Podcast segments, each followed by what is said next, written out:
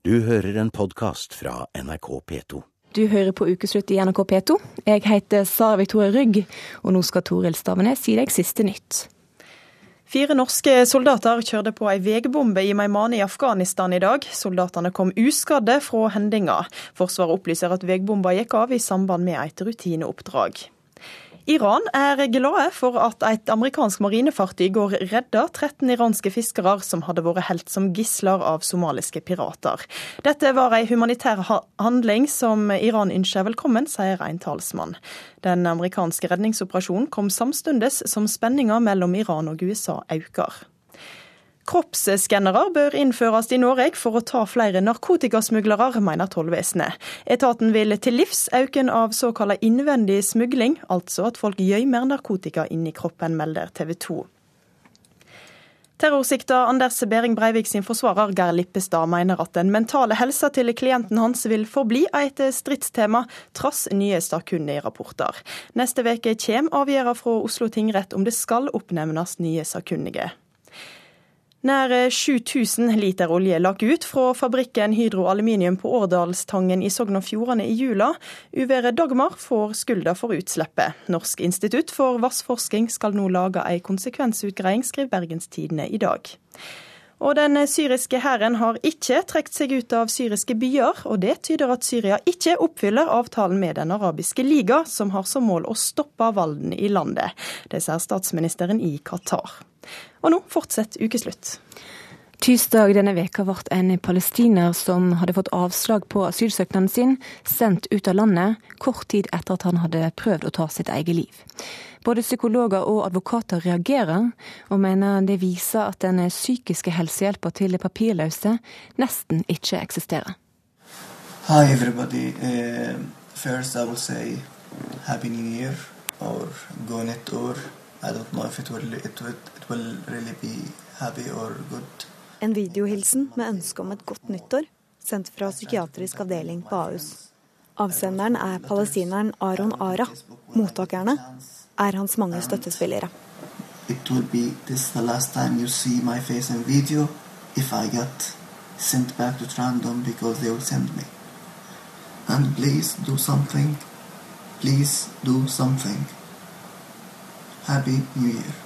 I forkant av opptaket ble Aron sendt til Trandum utlendingsinternat. Et siste stoppested for de som skal ut av landet. Fortvilelsen ble for stor. Aron prøvde å ta sitt eget liv. Han ble derfor satt på en sikkerhetscelle, som er den eneste cellen som Trandum kan benytte i de tilfellene, fordi det er den eneste cellen som er videoovervåket. Det sier advokaten til Aron, Cecilie Schatvedt. Schatvedt er medlem av Advokatforeningens menneskerettighetsutvalg, og har sett den cellen Aron har sittet i tre ganger. La meg beskrive den. Eh, den er, det er en eh, et rom eller et, eh, et, hull i bakken, rett og slett, eh, av mørk, grå betong. Gulvet er på ca. 2,2 meter. Eh, det er plass til madrass. Så er det et hull i gulvet som fungerer som toalett. Det hullet har direkte forbindelse til kloakken, så det er vanligvis en meget påtrengende stank fra det hullet, som selvfølgelig da preger hele rommet dette betonghullet er ikke egnet. Det er ikke egnet for noen, og i hvert fall ikke for psykisk syke. Ja, hei. Kan du slippe inn meg og en journalist fra NRK? Ja. Leder for Trandum utlendingsinternat, Ståle Sørmo, går gjennom to porter med høye piggtrådgjerder på hver side. I 2010 brukte Trandum sikkerhetscellen 50 ganger. 50 ganger var det noen som var en fare for seg selv eller andre. Egentlig skulle han vise meg sikkerhetscellen som Aron ble plassert i. Men nå sitter det noen andre på cella.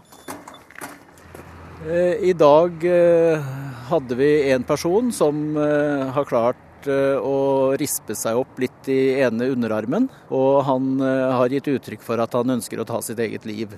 Da må vi ta vedkommende ut av fellesskapsavdeling og eh, anbringe vedkommende på sikkerhetsavdeling til vi har avklart den situasjonen. Og han vil nå bli ettersett av helsepersonell og få den nødvendige hjelp han trenger og de nødvendige vurderinger. Men altså, er det, Hvis han nå faktisk ønsker å ta sitt eget liv, er det, er det veldig bra å sitte på en sånn celle alene da? Han er ikke alene, han har et veldig intenst og godt tilsyn. På Trandum praktiserer de også minimal psykisk helsehjelp, slik regjeringen har bestemt. Eh, det hender at vi overfører, ikke vi, men våre legetjenester, eh, ber om at vedkommende blir tatt inn til eh, kvalifisert profesjonell behandling. Så dere sender ikke ut en person som dere, dere mener er i, veldig ustabil? Nei, vi gjør ikke det. Var uh, ubarbert, ikke hadde dusjet. Hvor uh, man så skinnbein på en 25-åringen som er slank i utgangspunkt, men nå var det veldig påfallende hvor tynn han var blitt. Roger Cassidy beskriver hvordan Aron så ut sist de møttes. Det er tirsdag, og Roger er på vei til Trandum. Han er Arons venn, men er også sykepleier og har derfor fulgt med på helsen hans hele veien. Nå har han med Arons bagasje og håper på å se han en siste gang.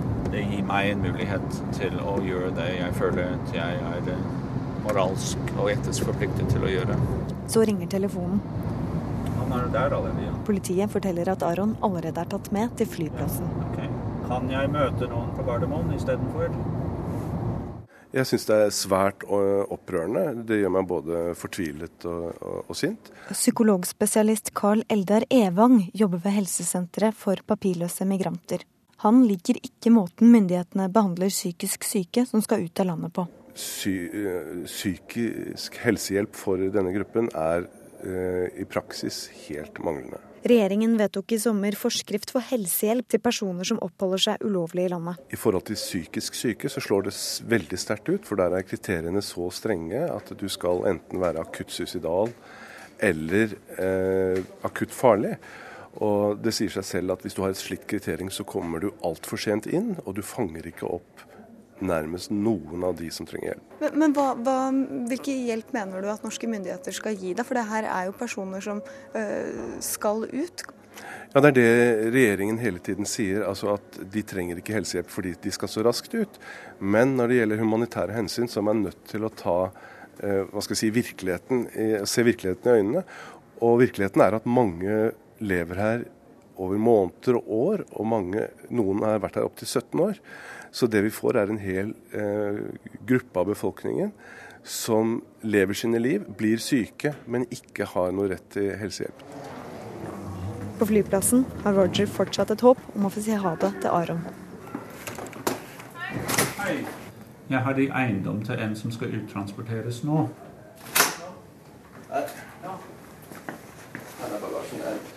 Har han mulighet til å si adjø til ham før han reiser? Du har ingen mulighet til å si adjø til ham før han reiser. Dessverre. Okay. Han blir kjørt rett til gate. Han er både en sterk mann, men også en veldig sårbar mann. Kanskje han har hentet frem styrke her og nå, og skal makte det som han ikke har uh, klart å forestille seg, og som han har kjempet med alle krefter og alle fantasi imot uh, den siste tid.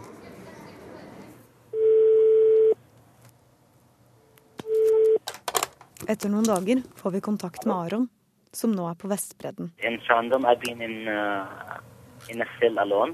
Nobody wants to help me. I feel worthless, helpless, hopeless. So the only thing come up in my mind that I want to end my life because it doesn't mean anything. Han forteller hvordan det var å sitte i cella på Trandum.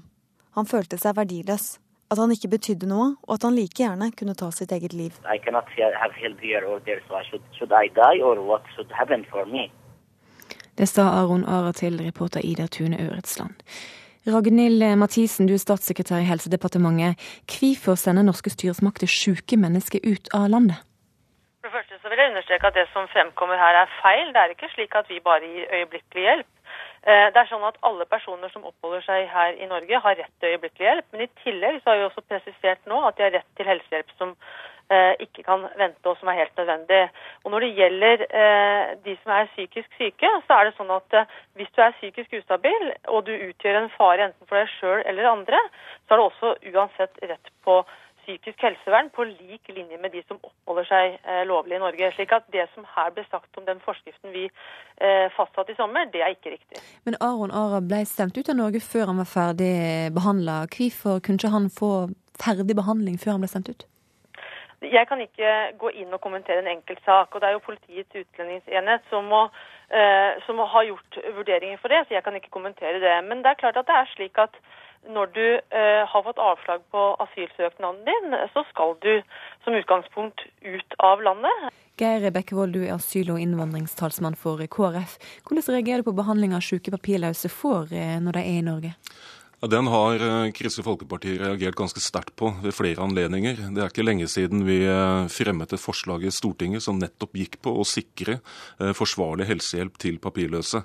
Den gangen så var statsråden ikke uvillig til å se nærmere på det forslaget, ei heller justisministeren.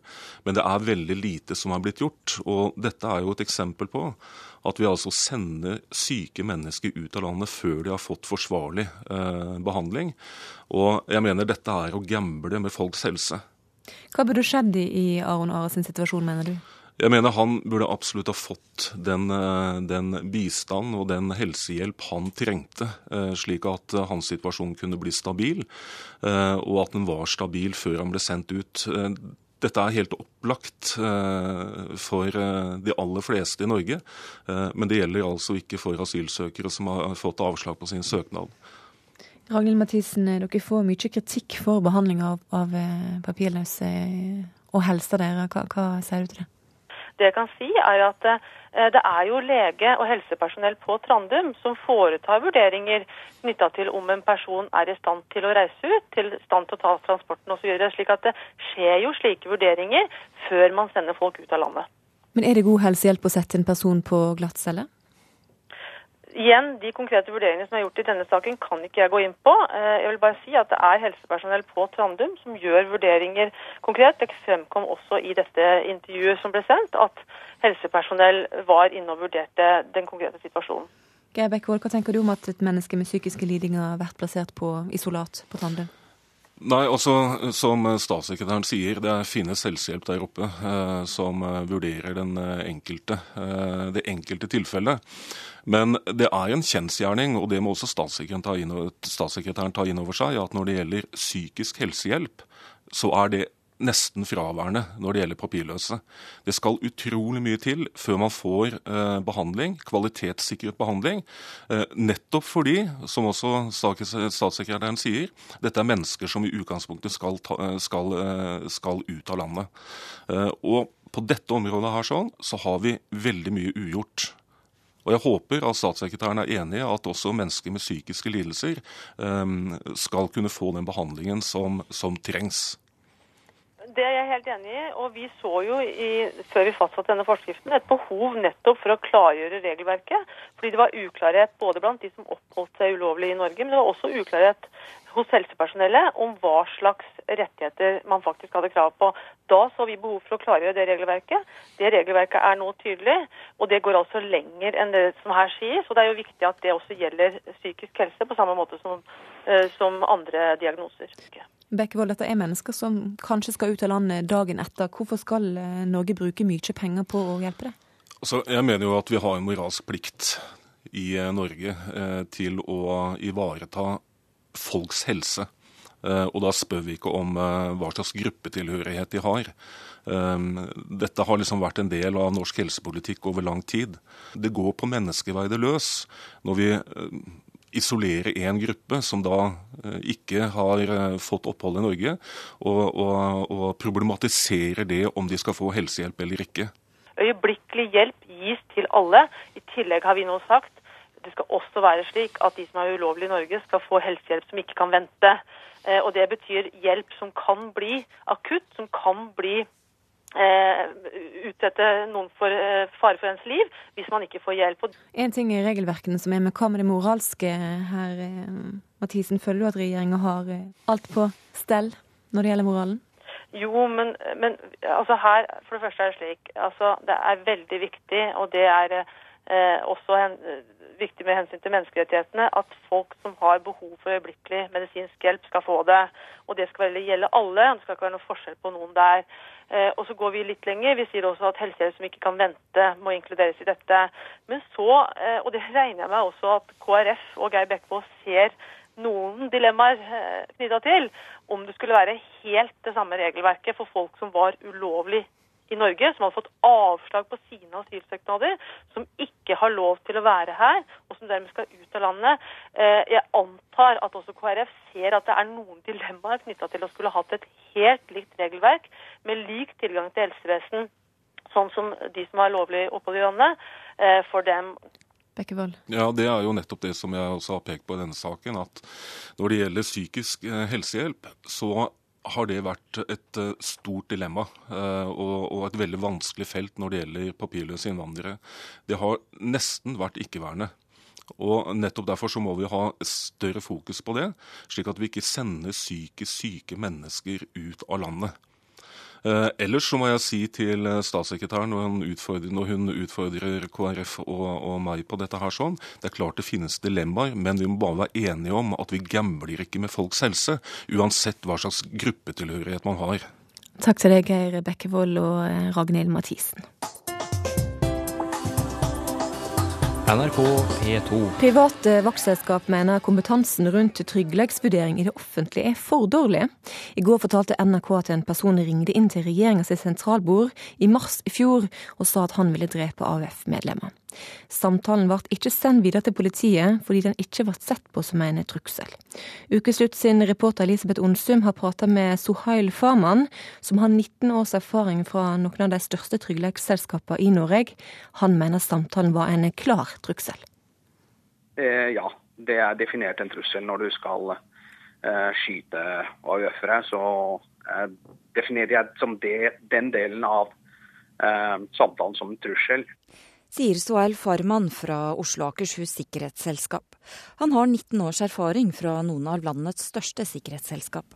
Samtalen som kom inn til regjeringens sentralbord i mars, burde helt klart vært rapportert til politiet, mener han. Nå har ikke jeg noen eh, erfaring med hva eh, det står i deres instruksverk under punktet eh, og trusler og, og, og videre kommunikasjon og hvordan det skal viderebringes. Men det er klart at der må, man, der må man håndtere dette her, i og med at det er såpass mange ansatte, såpass mange bygg. Så, så, så burde det vært brakt videre med en gang. Ullevål sykehus er blant oppdragsgiverne. Alle telefonhenvendelser som kan oppfattes som et trussel, rapporteres og loggføres med det samme, sier Farman.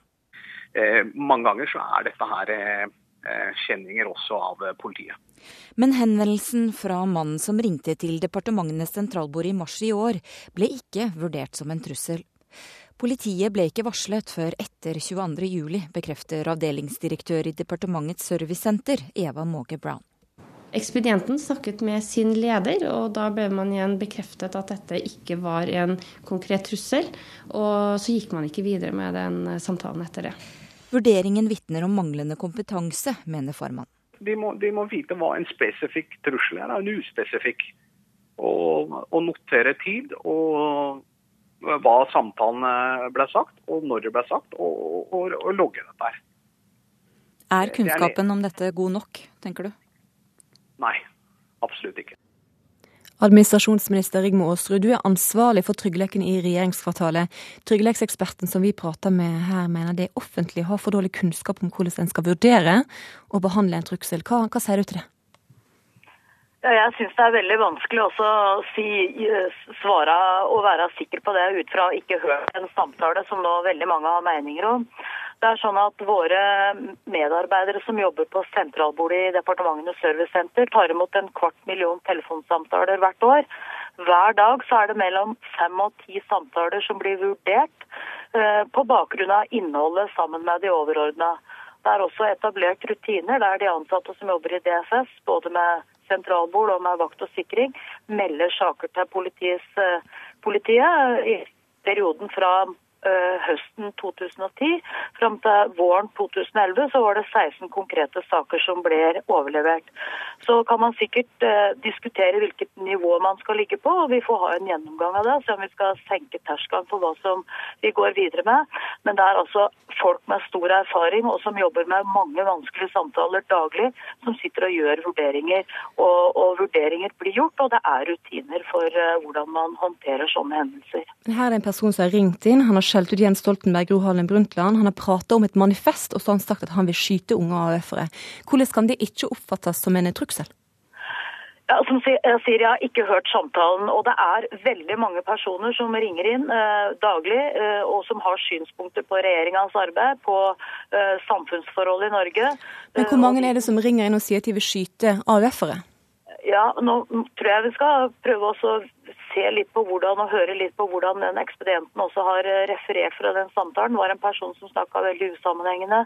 Jeg kan ikke, og det må politiet og eventuelt 22. juli-kommisjonen gjøre vurderinger av når man har snakka med den ekspedienten, om det er en samtale som man burde ha gått videre med. Det er betydelig skjønn som må utøves i de sakene som man sitter med. Og det er mulig at vi skal senke terskelen, men det har altså vært gjort en vurdering her. Eh, og det er folk som er vant til å sitte og håndtere sånne saker. Og så når du har skjønn, så går det an å, å, kanskje skulle ha tenkt annerledes. Det er ikke vanskelig ettertid å si at man kanskje skulle gjort det. Men, men, det er altså rutiner, det er opplæring, det er systemer som fungerer. Eh, men skjønn utøves, og da kan det også være i dette tilfellet at man eh, har med en samtale som skulle vært eh, gått videre med. Frp-leder Siv Jensen, hva tenker du om rutinene når sånne telefoner ikke blir rapportert videre til politiet? Det tyder jo på at rutinene er for dårlig. Det er jo slik at uh, De aller fleste av oss har fått veldig klare anbefalinger fra politiet om å ikke selv vurdere om trusler er reelle eller fiktive, men å oversende de til politiet, slik at de kan gjøre jobben sin. Uh, jeg skjønner at departementene mottar fryktelig mange telefoner, men å la ansatte i departementet avveie hvorvidt det er reelle trusler eller ikke, mener jeg blir feil. Det er en jobb politiet bør gjøre. Det er PST som har ansvaret for sikkerheten til eh, politikerne dersom det kommer trusler. Så sier PST klart og tydelig at alle eh, trusler skal sendes direkte til deg. Hvorfor eh, hører ikke dere på deg, Rigmor Aasrud? Ja, som jeg sier så gjør vi det. Det gjøres vurderinger og det gjøres henvendelser til PST løpende på konkrete saker. Eh, men som jeg sier, så har vi altså mellom fem og ti av den typen henvendelser som blir vurdert daglig. Eh, der den som er, tar imot samtalen, vurderer samtalen sammen med sin overordna. Og man gjør en konkret vurdering ut fra samtalens innhold før man går videre til, til PST. Så, så, hører jeg at PST mener at vi skal ha en enda lavere terskel. Så får vi ha en gjennomgang med det, og så får vi vurdere om vi skal legge terskelen enda lavere for de samtalene som blir oversendt til PST. Siv Jensen, hva skjer, Siv Jensen, hva skjer dersom noen ringer inn og truer deg eller andre Frp-er? Jeg vil ikke kommentere konkrete hendelser, men vi har generelt pålegg om at alt som kan oppfattes som en trussel, det blir videresendt til politiet. Det er ikke vi som sitter og vurderer om det er sannsynlig trussel eller en fiktiv trussel. Det har ikke vi kompetanse til, men det har politiet kompetanse til. Men jeg syns det Aasrud sier er litt for svagt. svakt. Jeg syns ikke at regjeringen skal vurdere å senke terskelen, jeg syns de skal senke terskelen. Tiden for å være naiv den er definitivt forbi i Norge nå. Nå handler det om å ivareta sikkerheten, tryggheten til alle ansatte rundt omkring i eh, departementene. Og det handler om å ivareta tryggheten og sikkerheten til borgerne i Norge. Åsrud. Ja, og det gjør vi.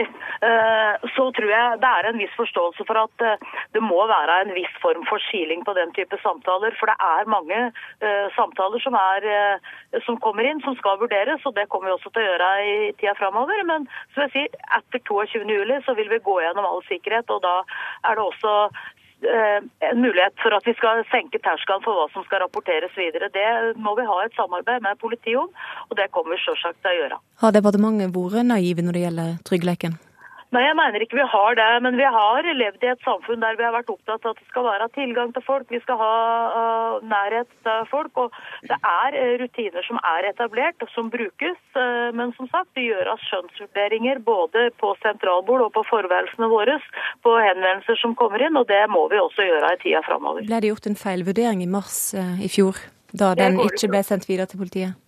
Det kan ikke jeg svare på, for jeg har ikke hørt samtalen. Og jeg regner med at politiet og 22. juli-kommisjonen eventuelt gjør vurderinger av det. Og hva skjer neste gang noen ringer inn og truer eh, noen i departementet? Vi, ja, hvis det er personer, enkeltpersoner som blir trua, så er det helt klart at det blir gått videre med. og Det gjør det i dag òg. Så får vi se om vi skal legge lista ned, og vi skal rapportere flere saker til politiet. Og Det ser jeg for meg at vi kommer til å gjøre, men vi må ha en dialog både med politiet og andre om hvilket nivå som er riktig å legge på. Jeg syns det hadde vært greit å få hørt den samtalen før man var endelig i sin dom over den konkrete enkeltsaken. NRK P2. I år skal det ansettes et nytt barneombud. Det er ikke en lett oppgave, så barneministeren vår han har bedt om litt eh, hjelp.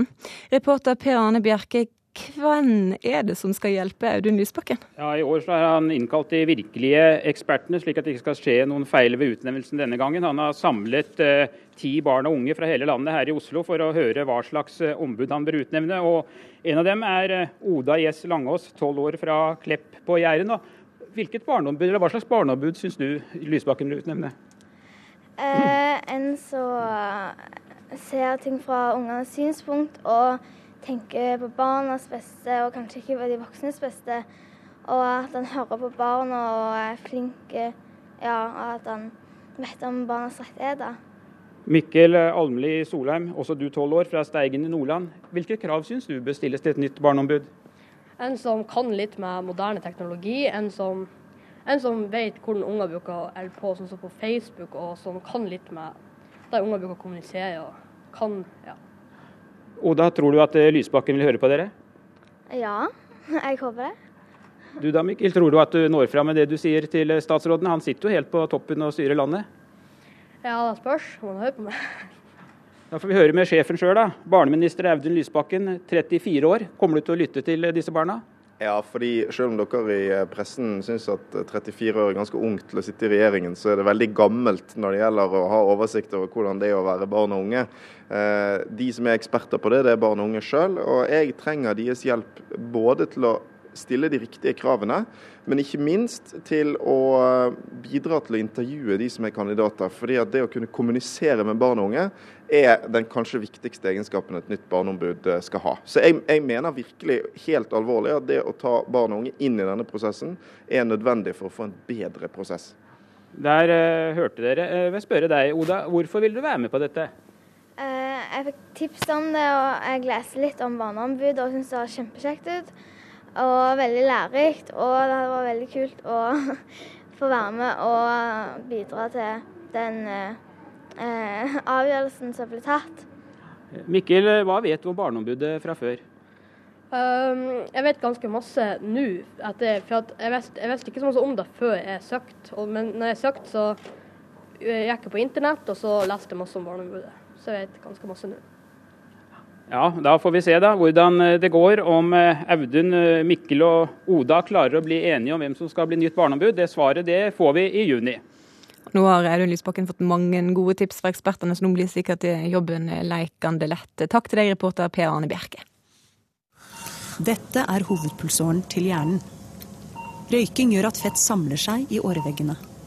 Fettet kan stanse blodtilførselen Ja, denne TV-reklamen er det bare å venne seg til. Fordi denne veka setter regjeringa i gang ei antirøykekampanje med bilde av svarte lunger for å få nordmenn til å stumpe sigaretten. Men det finnes fremdeles nokre røykere igjen der ute.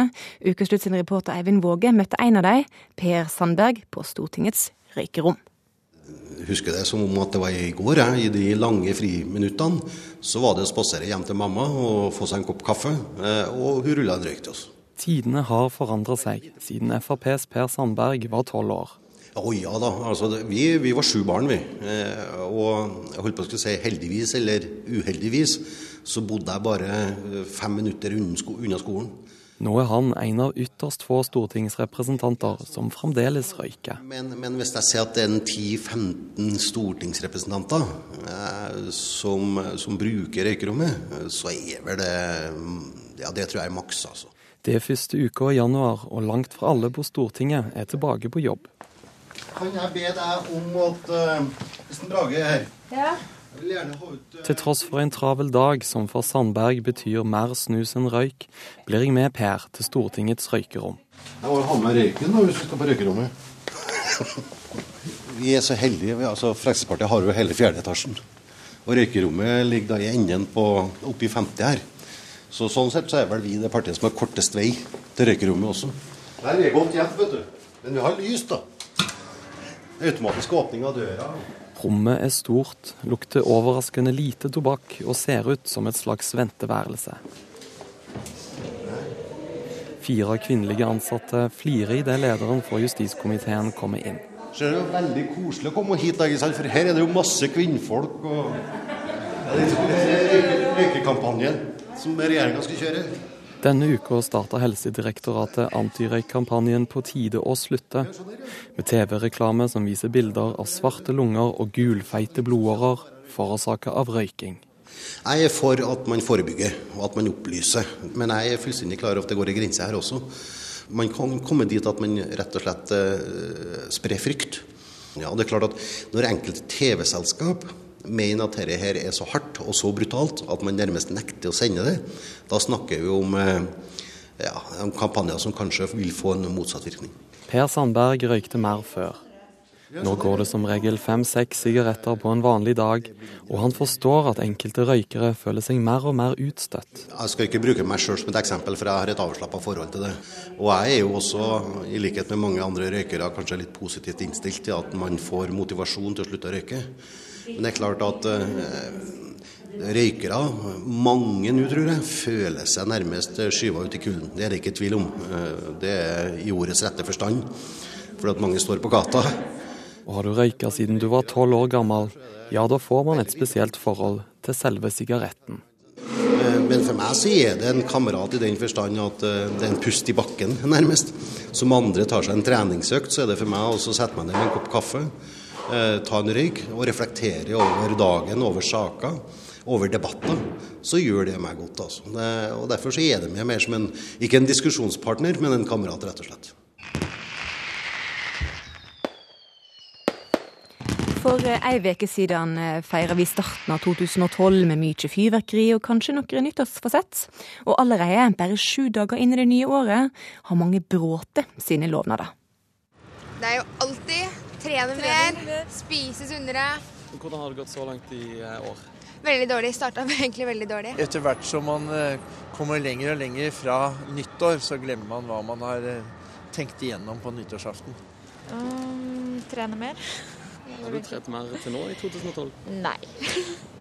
Spise sunnere, ta mer tid til å egentlig tenke på fremtiden og legge planer og være mer organisert. da. Hvordan pleier det å gå med disse fasettene? Det pleier å ikke gå så veldig bra. pleier å glemme de sånn underveis gjennom januar, og så bare har jeg glemt det. Forfatter Anne B. Ragde, hva er ditt eh, forhold til nyttårsfasett? Egentlig veldig dårlig, for at det er mange mange, mange år siden jeg hadde et. For at eh, den, den gangen jeg hadde nyttårsforsetter, så brøyta jeg dem alltid veldig veldig kjapt. Så det har jeg helt slutta med. Men i år så har jeg faktisk et. Og det er, for, det er, første gang på eh, sikkert 20 år, altså. Og det er at jeg ikke skal kjøpe Dagbladet eller VG hvis de eh, ikke har en, en avisforside. Og i går kjøpte jeg både Dagbladet VG. I dag kjøpte jeg bare Dagbladet. Så ikke en avisforside du liker, eller hva? hva? Nei, nei, nei, sånn ukebladsavisforside. ja. Sånn, eh, slik bevarer du forholdet. Så står verden i brann, liksom. Altså ti råd for å sikre godt seksualliv og eh, dere lavmålforsidene som ikke avspeiler et nyhetsbilde overhodet. Så hvis det står på forsida av VG eller Dagbladet 'Slik slutter du å røyke i 2012', så kjøper ikke du avisa? Nei, for da, jeg, da kjøper jeg et ukeblad eller et helsemagasin eller noe sånt. Jeg kjøper ikke en ny nyhetsavis for å lese om røykeslutt og slanking, og, og eh, slik sikrer du dine arvinger og sånt uh, greier som det her, altså. Det er jo mange som prøver å slutte å røyke det nye året, men du sa til Dagbladet tidligere i at det var det siste du skulle gjøre, for du elsker å røyke. Ja, jeg skulle nok aldri ha begynt, men eh, nå røyker jeg, og jeg er en røyker og lever bra med det enn så lenge. Og eh, koser meg med røyken, gleder meg til å sette meg ned og ta meg en røyk. og har ikke dårlig samvittighet for det heller. Jeg er ikke en type som nages av dårlig samvittighet for ting. Hvis jeg har dårlig samvittighet for noe, så slutter jeg med det jeg har dårlig samvittighet for. Hilde Skovdal, mange kjenner deg som Charter-Hilde fra, fra TV3 TV-serien Charterfeber. Du tar nyttårsforsett svært alvorlig. Ja. Hvorfor det? For det første er det veldig viktig å ha nyttårsforsett, syns jeg. For da har man litt struktur på livet. Man vil forberede seg, man vil forbedre seg. ja, man må ha litt, Og så må man realisere drømmer. Det er veldig viktig. Hvilke nyttårsforsett har du i år? Ja, Det første er at jeg skal holde meg langt ordet S-L-A-N-K-I-N-G. Ingen slanking, med andre ord. Nei. Nå skal vi tenke helse. Vi skal tenke livsglede, men nå er jeg så dritlei, unnskyld språket mitt, alle disse S-L-A-N-K-I-N-G-kurer og alt som avisen er stappa full av. Og andre nyttårsforsettet mitt, det er å holde meg langt unna energitagere. De som ikke vil meg vel. For de har jeg hatt en litt par runder med, og det orker jeg ikke. Så struktur i livet. Anne B. Ragde, har du full struktur i livet ditt du da, siden du ikke trenger nyttårsforsett? Du, det har ikke jeg heller, for å si det bare sånn. Jeg tar beslutninger om, eh, som går på endring av egen atferd eh, hvilken som helst dag i løpet av året. altså. Jeg trenger ikke å gjøre det på nyttårsaften. Kjetil eh, Olaussen, du skrev doktorgrad om bruken av sjølstyringsteknikker i næringslivet. Så på en måte kan vi si at nyttårsforsett det er en måte å styre seg sjøl i privatlivet. Hvorfor er det sånn at vi begynner å prøve å forbedre oss akkurat 1.1. Det har nok noe å gjøre med at man har feira Jesus Kristus sin fødsel eh, relativt intenst. F.eks. med å drikke akevitt fra, fra, frokost til, til, kvelds. Sånn at det har vært veldig mye ustruktur knytta til den perioden som, som, avslutter året. En ustruktur og en relativ grenseløshet knytta til det sosiale samværet og et type påbud om at man skal delta sånn. Så veldig mange er veldig slitne og føler vel kanskje de står i en type gjeld til et eller annet. Ja, kanskje et begrep om Gud er relevant der, da. Hæ? Jeg tenker at det er et veldig sånn protestantisk uh, rituale. Det å, det å skulle uh, sette seg ned uh, og skrive ned hva man skal gjøre for det neste året. At det handler om en type selvdisiplin. Det handler om å sette grenser for seg selv igjen. Etter denne relative grenseløsheten, denne festen, denne dette eh, nytelsesorienterte feiringstiden i, i julen. Da. Altså, Jeg syns det er en veldig fin tanke, og jeg kan skjønne til en viss grad. Men jeg tror for veldig mange mennesker så tror jeg at det har dette her med at det er 1. januar. Du begynner et nytt år. Alle tabber som har vært, er gjort. Skjønner du? At man har, at man, det, blir en sånn, det gir en slags håp på en måte. Skjønner du hva jeg mener? Mm. Men jeg, jeg, hører hva du sier, og jeg er enig til en viss grad, men jeg må bare altså, Jeg hører Anne sier altså 'hæ?' Ja. Jeg hørte når hun begynte å blande Gud inn i saken. Da skjønte jeg hvorfor ikke jeg har hatt nyttårsforsettene på mange år. Ja, fordi det jeg mente med det, var liksom ikke å trekke inn et sånt ja, Gud eh, altså Det jeg mente med det, er å si at det er et kristent rituale. Altså, det er, det er En sånn renselse? Mer det er en type ja, renselsesprosess. og det er en type en Skrifting. Relasjon, en, en form for skrifting der man møter seg selv i sitt mest intime. Uh, og, og, og, det er veldig alvorlig for veldig mange. Og, og, veldig mange har dårlig samvittighet. Og det handler om å, å hanskes med, med, seg selv. Eller som en kamerat av meg fortalte meg her om dagen da jeg var på, på byen og brøyt mitt uh, nyttårsforsett, så sa han det at det handler for meg om å finne tilbake til meg selv. Ja. Ikke så finne tilbake til seg sjøl, rense seg sjøl, kanskje bli litt bedre menneske. Hvorfor er det da sånn at du og veldig mange andre allerede har brutt nyttårsforsettet? For det som var med, med meg, var altså det, det, er veldig vanlig å ha sånn eh, forsett om eh, hvit måned, da, f.eks. Ikke drikke noe alkohol og sånn. Men, men, det problematiske dukker opp for at uh, når man skal henge med kompiser i sosiale situasjoner, så er det forventa at man skal gjøre det. Så jeg satt hjemme hos meg selv med to kamerater på besøk. og De satt og drakk øl og vin, og jeg satt ved siden av og, og, og drakk et glass vann, liksom. Og det var bare ikke så veldig hyggelig, da. Så, så, så jeg følte liksom for å ta ansvar for, eh, for fellesskapet, så tok jeg, tok jeg, et glass. Men er det ikke sånn at når man, når man lager seg nyttårsforsetter, og så bryter man dem med en gang, så blir man veldig veldig skuffa over seg selv? Man lager seg en ganske stor fallhøyde ja. med å, å, sette seg sånne Jeg kommer sånne store ting liksom som å slutte å røyke og ha hvit måne og eh, ja, endre drastisk atferd og sånn. Det er jo virkelig ille hvis man bryter, da. Ja, det, jeg, gjør, det gjør, faktisk noe alvorlig med en. Det gjør ja. det. jeg kommer ikke til å bryte sammen foran avisstativet. For at jeg har et ganske uskyldig forsett, da. Men hvorfor utsetter vi oss da for noe som gjør at vi får dårlig selvtillit og blir skuffa ja, over oss sjøl? Jeg syns det er så rart. Jeg, sy jeg, syns, det er en uting det der. altså at man på en måte, du, du, Hvis du skal virkelig endre egen personlig atferd, så skal det mye mer til enn bare et løfte som blir sagt høyt i venners samvær på nyttårsaften. altså. Det skal du virkelig gå inn for saken. Ja, altså det er jo det er bare et veldig konsentrert uh, uttrykk for en helt sånn uh, vanlig praksis da, i vårt uh, vestlige liberaldemokrati. Det er jo på en måte, det, vi, det, handler om hvordan vi forvalter friheten vår også. Altså at, altså Nyttårsforsettene er, er, en måte å ta ansvar på. Ikke sant? Sette seg mål, disiplinere seg for å nå de målene. Altså Ta ansvar ikke bare for seg selv, men også overfor samfunnet. Men, men ja. å sette seg mål, det er noe helt annet enn å si at nå skal jeg slutte å gjøre ting. Ja. Å sette seg mål, det er en positiv ting. Ja, men å begynne å endre atferd og fornekte seg selv ting, det er noe negativt. Men jeg må si det at nå, er jeg jo, nå unngår jeg dette ordet S-L-A-N-K-I-N-G. men dette her problemet har jo jeg lovt meg selv siden jeg var ja, tenårene kanskje. Mm. Og i dag er jeg 42. ja, det sier jo sitt. Men nå, altså, nå jeg, det jeg skjønner nå, det er at det, alt som har med kurer på seks uker på to måneder, det blir, det blir, garantert katastrofe. Fordi det tar et helt år for hypofysen å endre en vane. Skjønner du? Og så langt har jo ikke jeg latt noen gang det gå. Men det som det er viktig å sette seg mål. Ja, det er veldig viktig. Ja, det er viktig å sette seg mål. Si at da et nyttårsforsett er et slags mål. Hvordan skal vi da klare å gjennomføre et nyttårsforsett? Ja, det er å ha selvdisiplin og, og, og stayerevne. Og, og, bare, det handler om å bestemme seg. Jeg ler meg jo gjerne når jeg hører folk som sier at de skal prøve å slutte å røyke. Akkurat som du sier, du skal prøve å bremse for den eh, møtende bilen her. Ja, Enten jeg... slutter du, eller så fortsetter du. altså. Du prøver ikke å slutte. Ja, men du vet, jeg tror det er veldig viktig at man må forstå hvorfor man gjør det.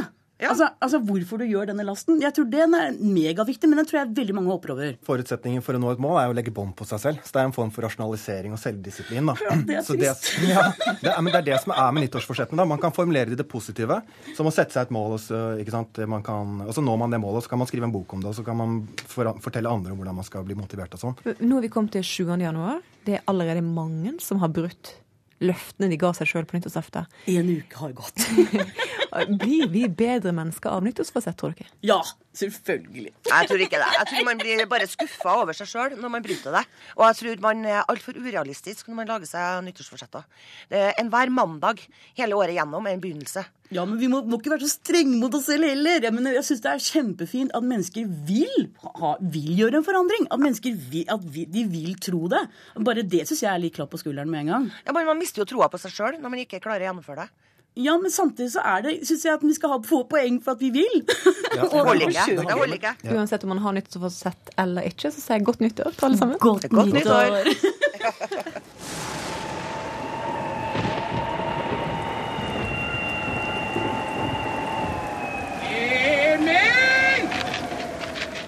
Stormen Emil har herja denne veka, og i romjula så var det Dagmar som skapte problem for folk langs kysten. Hva blir det neste? Frida, Fredrikke eller kanskje Frøya? Ukeslutt sin reporter Eivind Våge møtte mannen som gir det dårlige været navn. Det finnes noen, da, sånn som Fay og Fiane har jeg vel sett. Eh, så det, det, de finnes. Men eh, jeg skal vel ikke her nå røpe det, men jeg mener jeg et eller annet sted i media kan ha sett det på trykk. Han vil ikke røpe navnet på neste storm, Dag Kristoffersen ved Meteorologisk institutt, som er en av to personer som gir navn til ekstremvær i Norge. Så jeg er en som hoppa inn for en som ble pensjonert. da. Og så har vi en til. Så i øyeblikket er vel gruppa bare to. Litt sånn glissen kanskje, men uh, Listen over navn på ekstremvær er alfabetisk. Men du husker kanskje ikke den første stormen på nåværende liste. Skal vi snakke om ekstremværet Ask, som har festet tak Ask slo nemlig innover Nord-Norge januar 2010. I fjor høst møtte vi Berit. Veien og ferger er innstilt pga. stormen Berit etterfulgt av paret Cato og Dagmar. Uværene går under navnene Dagmar og Cato. Og denne uka var det bokstaven E sin tur. Vassstand som følge av stormen Emil. Neste bokstav ut er F, og må være et jentenavn siden forrige var gutt. Jeg har fått bli med Dag til det som kan kalles for meteorologenes kommandosentral. Ja, vi kaller det litt sånn på eget eh, språk Salen. Og det er litt sånn av eldre dato, men det er jo egentlig et svært sånt eh, åpent landskap, da. Her sitter meteorologene på rekke og rad, på pulter bak fire-fem dataskjermer hver. Er du modellmeteorolog, Bjørn? Ja. Så der ser du en sånn en. Er det sånn at, um, at alle har denne lista tilgjengelig, eller kan du oppleve å bli oppringt klokka tre på natta og si at nå må du eh, inn i hvelvet og hente fram lista? Nei da, det er ikke fullt så galt. Eh, innenfor værvarslinga så, de, så har de som skal da sende ut et ekstremværvarsel, de har denne lista. Så de vet hva som er brukt sist osv., så, videre, så de går løs på den neste. Hvilke navn er det som, som er på en måte helt uaktuelle å havne på lista? Ja, det er lange navn, for det første. Vi prøver å holde de på en sånn fire til seks bokstaver, så, så, lenge det er mulig. For det, det, det, kort er greit, for å si det sånn. Og det er noen som skal skrive det navnet også. Så tenker man sånn skrive effektivt, så er det bra at det er et kort navn. Tradisjonelt sett har man brukt vanlige norske og nordiske navn. Men det blir det kanskje en forandring på framover. Mer og mer så har vi jo eh, norske statsborgere som jo får andre navn fordi at de kommer fra andre land, kulturer osv. Det er kanskje noe en må se på etter hvert. At uh, vi lever tross alt i et samfunn nå som ikke bare har de der klassiske, tidligere norske, nordiske navnene, om vi vil. da. Ja, At neste storm kanskje heter Fatima? Det er jo ikke noe problem, egentlig. Uh, det er jo et kort nok navn og ingen vanskelige bokstaver. Årsaken til at disse navnelistene ikke blir offentliggjort på forhånd, er fordi at man vil unngå at f.eks. media bruker et navn før man har meldt om ekstremvær. Vær kan man jo få fra så mange kilder. Man kan f.eks. skjønne at noe passerer Skottland og ser ille ut. Så har kanskje ikke vi begynt å si så mye om det ennå. Men så kan det jo spekuleres i at blir dette den og den dama eller mannen ikke sant? Tar dere imot tips? Navnetips? vi har vel ikke gjort det hittil, men jeg ser ikke bort fra at vi får en utvikling på dette her. Jeg vil veldig lett tro det. Det har vært mange telefoner til Dag og til de andre på Meteorologisk institutt de siste månedene. Alt fra media til vanlige mennesker som lurer på navnet til neste storm. Det har jo tatt veldig av egentlig nå i løpet av de tre-fire siste ekstremværene. Det var ikke eh, for noen år siden så mye fokus på det. Og siden jeg tross alt står i det aller helligste, foran mannen som tar avgjørelsene, ja, da er jeg nødt til å prøve. Og jeg er jo nødt til å spørre om vi kan få en liten avsløring. ja, det er det vi liksom prøver å si, i hvert fall så langt. Så har vi forsøkt å holde denne lista intern. og jeg skal, jeg skal vel ikke si det her og nå, bare for at ingen kan si at du sa det jo rett ut. da har Toril Stavnes kommet inn i studio igjen, klar for å gi deg en nyhetsoppdatering. Ingen norske soldater ble skadde da bilen de kjørte traff ei veibombe i Maimane i Afghanistan i dag. Fire norske soldater var i bilen, og de var på et rutineoppdrag, melder Forsvaret. Trass økt spenning mellom Iran og USA, roser iranerne i dag amerikanerne. For i går redda et amerikansk marinefartøy 13 iranske fiskere som hadde vært helt som gisler av somaliske pirater. Dette var ei humanitær handling som Iran ønsker velkommen, sier en talsmann for iranske styresmakter. Mannen som er sikta for drapet på naboen sin i 40-åra i Trondheim i går, nekter for å ha noe med drapet å gjøre. Politiet skal i dag avhøre vitne, men vil ikke gå nærmere inn på drapsvåpen eller detaljer rundt drapet. Og Petter Northug har til nå vunnet to innlagde spurter i dagens 20 km i den nest siste etappen i årets Tour de Ski. Men Dario Colonia holder på sammenlagt ledelsen. Du har hørt en podkast fra NRK P2.